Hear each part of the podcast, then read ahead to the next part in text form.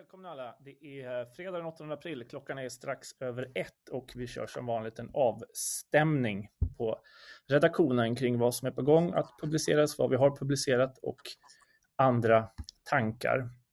Och tänkte väl pumpa Rasmus lite på hans intryck från att ha varit i Georgien nyligen.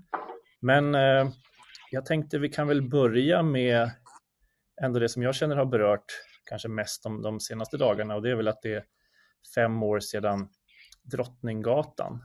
Eh, du, Britt, var på eh, den minnesceremonin som Ebbas Änglar arrangerade i, igår kväll. Vad, vad tar ja. du med dig därifrån? Ja, fem år och eh, verkligen att alla man träffade igår passade jag på att fråga vad var du för fem år sedan? Eh, och det är ju verkligen så att vi, vi alla vet vad vi gjorde den dagen. Och, eh, eh, på, I samband med femårsdagen kom ju också Åsa Erlandsson med boken eh, Drottninggatan, eh, terrordådet på Drottninggatan där hon har gjort drygt 120 intervjuer, det vill säga hon slutade räkna efter 120 intervjuer eh, och, och, som just också visar den stora påverkan bortom de fem eh, som dödades den dagen. Och Ebbas Änglar är ju en stiftelse som är bildad av Jeanette Åkerlund som är eh, mamma till Ebba Åkerlund som eh, dog den dagen. Eh, så minnesstunden eh, var ju både en, en eh, ceremoni och en minnesstund för, för de som omkom och de som drabbades, men också en ljus stund med fokus på de unga som fick stipendier för att ut, uh, utveckla sin talang uh, vidare. Uh, och, och den minnesceremonin på kvällen inleddes också med tal av Anja Frey från Fryshuset som pratade fantastiskt om eh, ja, men ungdomsverksamhet och, och eh, vikten, vikten av det här att ha de här rummen eh, eh, för att finna sina sammanhang. Och även Jonas Trolle från Center mot våldsbejakande extremism som var i tjänst som polis för fem år sedan Eh, och eh, idag eh, jobbar med eh, det här centret mot våldsbejakande extremism som också eh, eh ju pratar om, om hur kampen mot polarisering och extremism ser ut och eh, bland annat eh, bygger på även här vägen framåt är ju att eh, finna vägar till, till eh, eh, att man inte hamnar i ett utanförskap helt enkelt. Så det var också fint att få den här bryggan emellan, den kampen på myndighetsnivå strukturerat mot eh, våldsbejakande extremism och eh, bryggan över till det som är eh, en, en, en, stiftelse till, till minne av en av dem som omkom den dagen helt enkelt. Mm. Eh, och det var ju också en ceremoni klockan 10 i, i Stockholm eh, där eh, statsministern och kronprinsessparet och eh, Stockholms stad eh, eh, var på plats. Och hela Drottninggatan är ju fantastiskt dekorerad, väldigt, väldigt fint och blommorna kommer i år läggas på Adolf Fredriks kyrkogård där Ebba är begraven. Så det var, det var känslomässigt. Mm. Mm. Ja, men fint. När vi pratade innan så Rasmus, du var ju också på plats som volontär för, för Röda Korset som samtals, mm. samtalsstöd eh, kring centralvalet va, direkt efter händelserna. Hur går dina tankar så här fem år, fem år senare?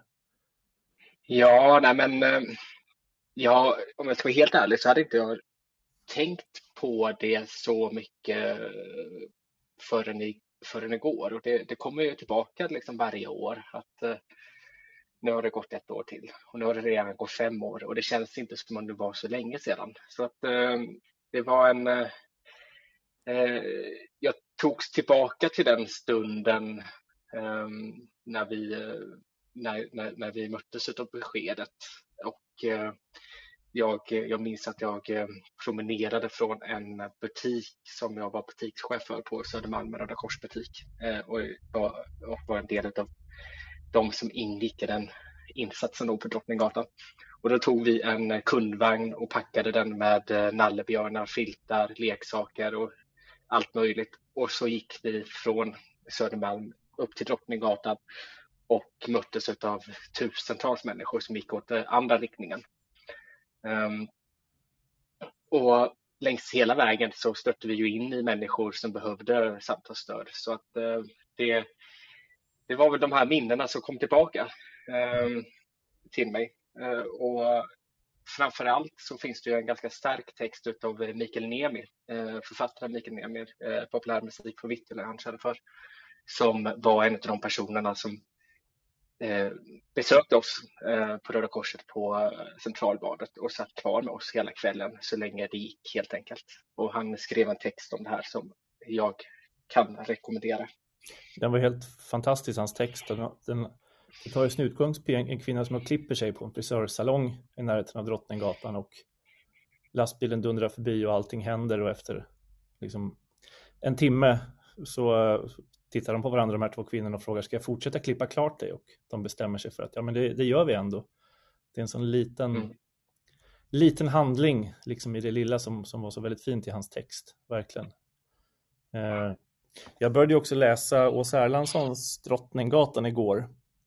Och eh, ja, men, den, den är värd, värd alla fina recensioner. En sån fantastisk, fantastisk journalistik av, av den här händelsen. Men det som slog mig var ju att det som var starkast, det, man, det som var starkast i den första biten som jag har läst är just de här eh, skolklasserna som gör sig på bio bredvid Drottninggatan. Så den beskrivningen av vad som händer i den biosalongen, hur lärarna agerar, hur rektorn agerar. Är ja, en sån otroligt fin, fin och stark redogörelse över hur många människor som, som verkligen gjorde någonting eh, som, som gjorde skillnad för att skapa trygghet för barnen eller föräldrarna och eh, rektorn skickar ett meddelande till alla anhöriga som har barn på skolan och, och skriver liksom att ni är de viktigaste i era barns liv, kom inte in till stan. Eh, alltså sådana ja, små, små detaljer som gör den till en otroligt stark, stark läs, läsupplevelse. För er som är nytillkomna till det här Blankspots veckorum, vi brukar varje fredag prata lite om vad vi har på gång och vad som händer och annat. Eh, och tog vår utgångspunkt nu i, i Drottninggatan-händelsen, att det var fem år sedan. Det här samtalet görs också till podd som publiceras eh, som en podd att lyssna på senare. Men jag tänkte från det ena till det andra. Rasmus, du är precis hemkommen från Georgien. Eh, du skriver ju om den rysktalande världen en gång i veckan för oss på, på Blankspot eh, och var nu i Georgien för för GP bland annat och för, för uh, Offside har vi läst det alldeles, alldeles nyss, ett reportage om, om Transnistrien och annat. Uh, men jag tänkte, du måste vidare vet jag, du är på väg till mm. USA. Det är en sån, uh, Georgien ligger ju alltså sydöst om, om Ukraina, där ju världens blickar är fästa mm. nu. Men, men hur, var, hur var stämningarna i, i Georgien? Ja, men jag kan väl koppla det lite från Drottninggatan. För jag var ju, alltså på Drottninggatan var jag där som samtalsstöd för Röda Korset. Och eh, i eh, det som jag slås av när det kommer till den här typen av flyktingmottagande som finns både i Sverige och i Georgien som jag då stötte in i är eh, delvis bristen på, eh, bristen på den typen av samtalsstöd som kanske bara det här första hjälpen-samtalsstödet som kanske krävs. Eh, så att jag eh, Eh, så att lite som en brygga. Jag, eh, eh jag satt i eh, söndags på, i, eh, på ett hotell i centrala Tbilisi, huvudstaden i Georgien. Och eh, intervjuade egentligen personer, eh, ukrainska flyktingar, för att de skulle delta vid ett fotbollsevenemang. Eh, men när jag var klar med allting så kom det fram en kvinna till mig och sa att du, jag kom hit igår.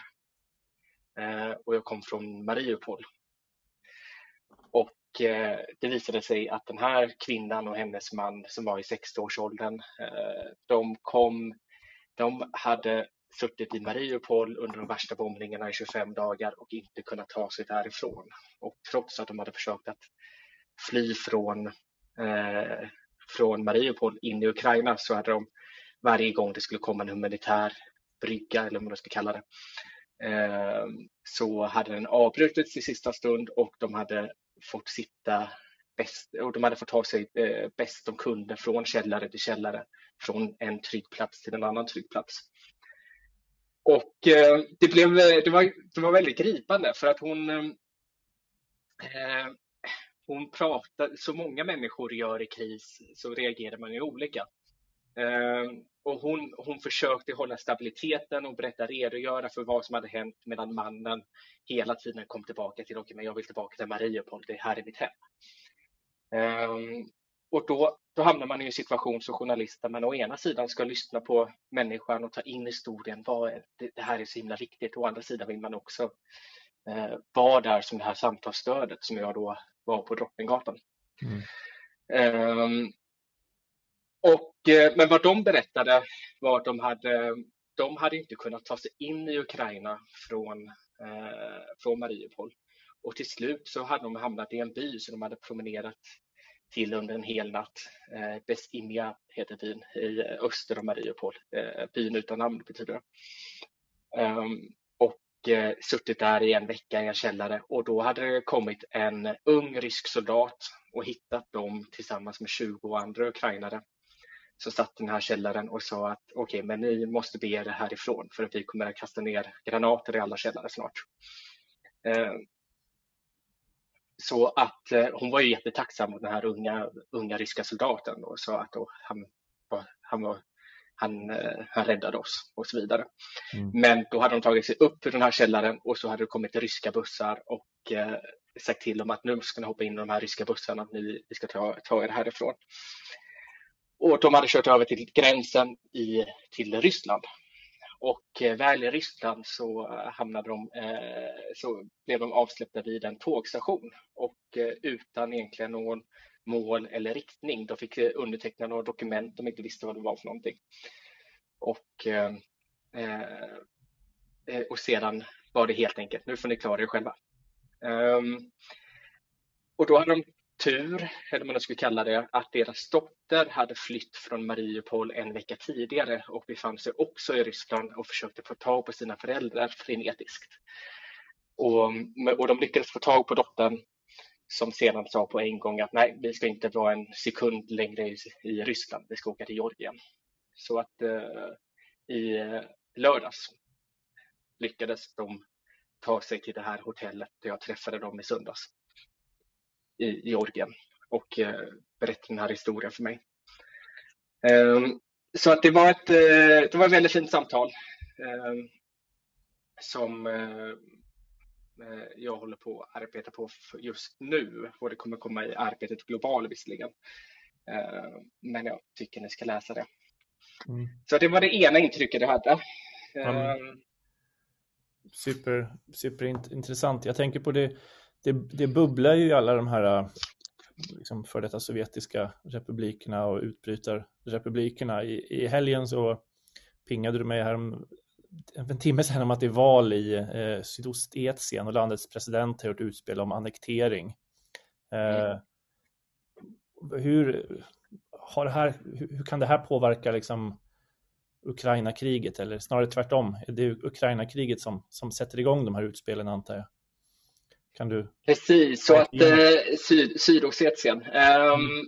Ja, precis, så att det är eh, det som har hänt är egentligen att det finns två stycken utbrytarrepubliker i Georgien. Den ena är Abchazien och den andra är Sydossetien. Mm. Um, och eh, bara för en vecka sedan, um, i torsdags förra veckan, så sa Sydossetiens de facto president Bedilov att vi vill bli, vi, vi kommer, om jag vinner valet som är nu den här helgen kommer jag se till att det blir en folkomröstning om den ryska annekteringen. Mm.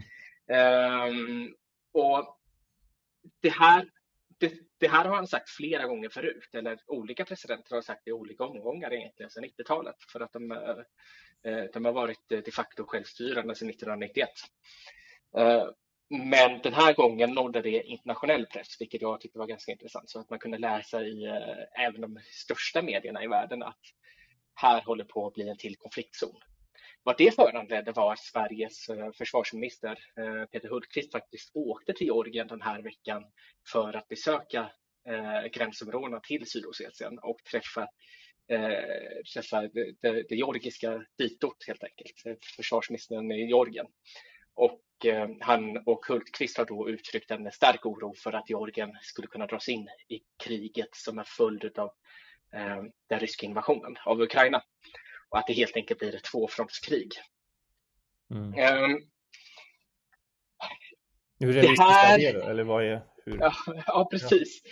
Hur realistiskt är det här? Eh, och det är det jag skriver för ett ganska eh, djupgående reportage nu här i Blankspot idag om. Mm. Eh, jag var i Georgien i en vecka. Jag pratade kanske med 40 människor och eh, ingen jag har pratat med har uttryckt en oro för att, det skulle, för att Georgien skulle bli indraget i ett krig. Och då har jag pratat med vanliga människor, jag har pratat med, med människor som jobbar för, för, för Försvarsmakten och jag har pratat med eh, fredsaktivister och, och de flesta. Och det, det är liksom ingen som det, det, som, det som skiljer det åt denna gången, det är egentligen att normalt sett så har Ryssland eh, givit kalla handen till den, den här typen av utspel som, som det ändå ses som i eh, Sydossetien. Um, det som skiljer nu är att Ryssland inte har kommenterat saken, eller de har, liksom inte, de har varken sagt du eller bä. Um, å andra sidan, om vi ska kolla rent militärstrategiskt på det, så ligger det ju inte i Rysslands intresse att ha ett tvåfrontskrig för tillfället. Och det som också är intressant, en till aspekt av det hela, det är att eh, det, samma typ av retorik har förts i de andra konflikterna i Kaukasien. Och då pratar vi om Nagorno-Karabach, som jag skriver en bok om, och om eh, eh, eh Sydossetien och Abchazien. Eh, och retoriken den kommer, alltså retoriken att det skulle bli krig eller, eh, eh, eh, eller, eller att Ryssland skulle få ett tvåfrontskrig i Kaukasien kommer oftast inte från Kaukasien självt, utan det kommer, det kommer från, eh, från Nato och Ukraina. Eh, det, det vore ju givetvis militärstrategiskt bra för, för Ukraina att ha ett tvåfrontskrig där Ryssland blir Eh, blir ehm, eh, upptagna i Kaukasien också. Till det har det kommit en, en hel del felinformation från både turkiska och azerbajdzjanska källor men också från, eh, från georgiska källor att det har skett truppförflyttningar från, från Kaukasien in i eh, Ukraina. Eh, nu har det ju skett från Sydossetien visserligen, men det har inte skett från Nagorno-Karabach och det har inte skett från Abchazien. Mm. Så det är en del olika aspekter i det hela som jag tycker är ganska spännande att eh, titta på och eh, fördjupa mig i. Ehm, och, och, och den stora frågan är hur mycket är ehm, felinformation eller felanalys, medveten felanalys till och med kanske. Ehm, och hur mycket är eh, verklighet. Och det som jag landar i är väl egentligen att det inte det är ingen som vill ha krig i Georgien, men samtidigt har jag pratat med människor som säger att nej, vi har varit i krig sedan 1991, och en rysk, och om vi ska kolla på bara en Eh, vad, skulle, vad, vad, skulle då bli konsekvensen av att Ryssland faktiskt annekterar Sydossetien? Eh, den konsekvensen är, är sannolikt ingenting.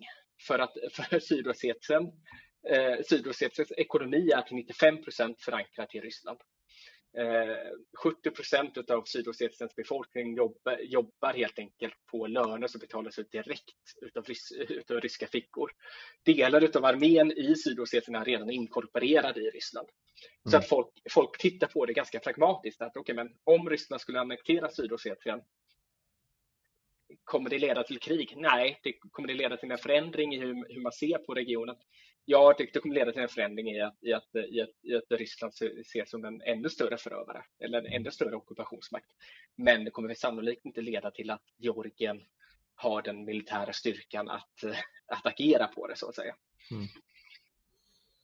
Ja, men superintressant och för er som inte har, har läst det så läs också, jag tänker ditt reportage om fotbollsmatchen i, Georgien som, som publicerades i GP häromdagen och ser fram emot mm. den analysen hos som kommer hos Blankspot och också arbetet Global eh, där du publicerar intrycken närmast från Georgien. Jag vet att du har, har mycket att göra och är på språng så att häng kvar om du vill eller dra, dra vidare mot USA eh, om, du behöver, om du behöver göra det. Supertack att du hann vara med Rasmus. Eh, ja, absolut. Och, eh, jag lämnar nu tänker jag och så får ni eh, så hörs vi helt enkelt. Yes, tack. Tack. Hej. Eh, för er som är nytillkomna så är det Blankspots fredagsrum. Vi pratar om vad vi publicerar och vad vi planerar att publicera och andra intryck.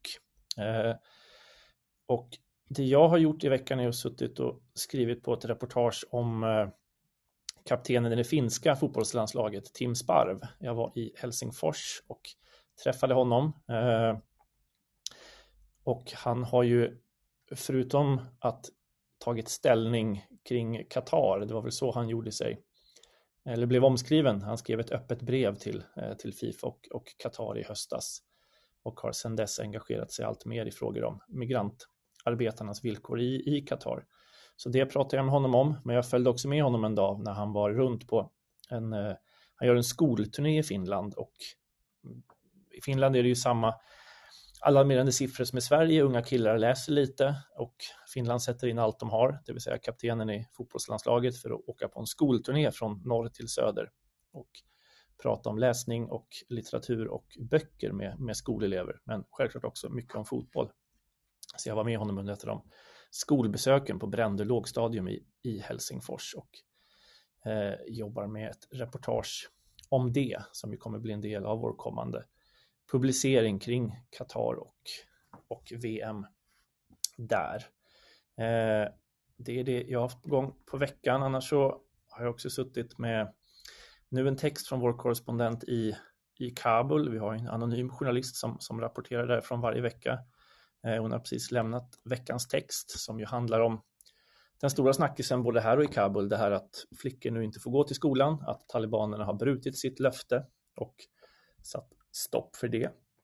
Eh, den kommer på sajten inom kort och vi har också fått in veckans dagbok. Ni som följer Blankspot och får vårt nyhetsbrev vet ju att Mohammad skriver varje vecka en dagbok från flykten eh, och han rapporterar om hur hans engelskundervisning för andra flyktingbarn går framåt i Istanbul. Han har ju ja, men blivit ganska förkrossad över att alla barn som befinner sig på flykt inte har rätt att gå i skola i Turkiet men har satt upp en egen liten skola där han bor tillsammans med en lärare som nu blev gripen och hamnade i turkiskt förvar. Men han fortsätter undervisningen och berättade nu i veckan om att eh, hans elever börjar lära sig enkla konversationer på engelska och skriva de första orden. Eh, det så en ganska, ja men både så att säga brutal men också lite hoppfull dagbok i veckan från Mohammad i Istanbul. Eh, det är väl det närmast som är för gång. Vi kommer också ha en analys av valet i Ungern, en intervju med en forskare där som ger sin syn på det valet som precis hålls, som skrivs av Linnea Bergqvist. Det är väl lite av innehållet i nyhetsbrevet som kommer på, tors på söndag eh, och alla ni som prenumererar kommer få det i er inbox. Så gör ni inte redan det nu så kan ni signa upp er på sajten. En länk ligger här ovan. Ja, Britt, har du någon mer? Vi kommer ju, vi har ju en eh, journalistpraktikant under våren också. Mm. Hon är ute på en eh, jobblunch men kommer att vi publicerar hennes första reportage nu i morgon bitti tänkte jag. Hon har analyserat flyktingmottagandet 2015 nu jämfört med eh, det som var 2015 och pratat med aktivister, ensamkommande och, och flyktingar. Eh, om Sverige har lärt sig något eller inte och olika aspekter av, av det som nu sker. Eh, så det är en, ett intressant reportage som vrider och vänder på de stenarna som blir hennes första reportage för Blankspot. Men jag tänker att hon får vara med i nästa veckas Clubhouse-sändning och berätta mer om det och hur det har varit att jobba med det reportaget. Mm. Och efter sina, var det nu, då är det två eller tre veckor hos oss. Mm. Eh, kan hon berätta om. Eh, och jag fortsätter ju bevaka och även diskuterar mycket frågor om desinformation och de digitala aspekterna av kriget i eh, Ukraina eh, och skrev ju en, en längre text eh, till förra nyhetsbrevet om ni in, har missat läsa den som just tar fokus på sociala medier som verktyg också för att överleva på plats om vad det, eh, hur det används och också en reflektion om eh, det kallas ju TikTok-kriget och eh, effekten av att kunna följa så många människors vardags eh, berättelser från kriget eh, och eh, vad det betyder för dem på plats, men också vad det betyder för oss som följer. Och, och, så. så det är väl en summering av hur sociala medier används så här långt också. Man kan väl ändå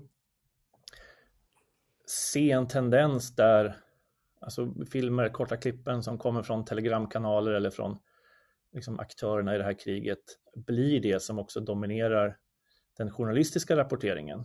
Alltså mer än de team och journalister som är på plats. Det är inte de som sätter dagordningen med sina reportage om berättelsen av kriget utan att det är ganska mycket också en rapportering som, som drivs av vilken film eller vilka vittnesmål som just då sprids på sociala medier eh, och vittnesmål som då ska avfärdas som sanna eller, eller falska. Mm. Jag har nog inte tänkt klart riktigt kring de frågorna men det är så tydligt hur, hur de utsända teamen hamnar i bakvattnet. En del talar liksom om utrikesjournalistikens död.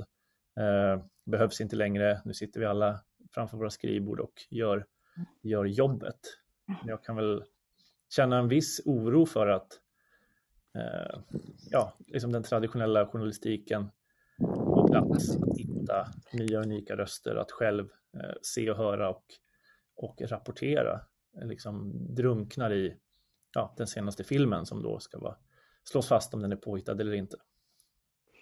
Ja, som, ja men det är, mycket, det är mycket som är lite oroande kring, eller så är det vi som liksom hamnar i en lätt panik som nyhetskonsumenter över att kombinationen av att källkritiken har gone bananas, alltså den har fått konsekvensen av att ingen litar på något istället för att källkritik ska vara ett, ett sunt förhållningssätt som också eh, tydliggör vad man har tillit till.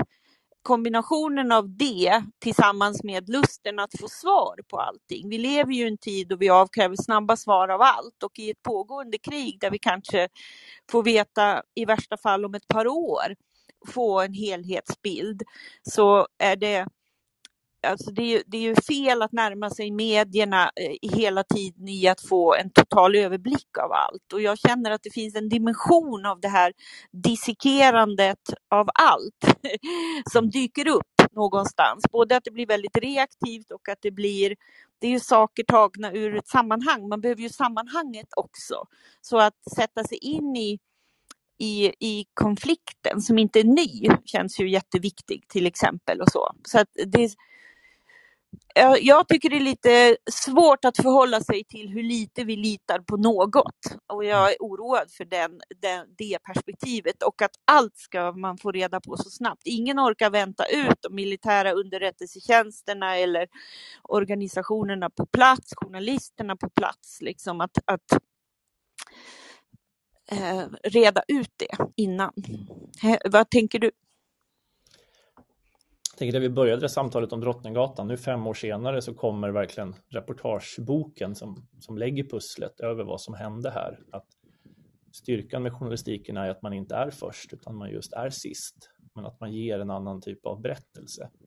Eh, och att det blir ett problem om man försöker vara först. Eh, samtidigt uppstår ju ett behov av att faktiskt ja, men, och det, det, är väl det som Ukraina är så bra på, att vara inne och debanka saker som dyker upp och som är falska och att direkt ta tag i, i falska nyheter. Men och det, det är så att säga, ja, eh, Nej, ja, jag, har, jag har inte tänkt klart riktigt Nej. kring det. Men någonting, någonting händer. Alltså på samma sätt som arméer drar slutsatser av det senaste kriget så måste ju också vi journalister dra slutsatser av vad liksom fungerar och vad fungerar inte i det här kriget och när springer vi bara jagar vår egen svans. Eh, och när lyckas vi faktiskt ge kontext och, eh, och, och sammanhang. Om det är någon av er som lyssnar som har tankar om det här så, så räck, upp, räck upp handen. Det här är ju som sagt ett, eh, ja, ett ganska förutsättningslöst snack som vi blankspottar på fredagar om vad vi har på gång och vad vi har publicerat och inte. Har ni några tankar om det här eller något vi pratat om innan så är det bara att hojta till. Ja, Ja. men eh, det är ju en eh, fin summering av att börja, sluta där vi började med Mm. terrorattentatet för fem år sedan och eh, även det lästipset med Mm. eh, den eh, reportageboken. Verkligen. Mm. Läs Drottninggatan av Åsa Erlandsson i helgen om ni har möjlighet till det. Det Mm. tänker jag i alla fall göra. Ja. Med det får vi önska alla en trevlig, trevlig slut på fredagen och trevlig helg och ses i er inbox på söndag då nyhetsbrevet kommer.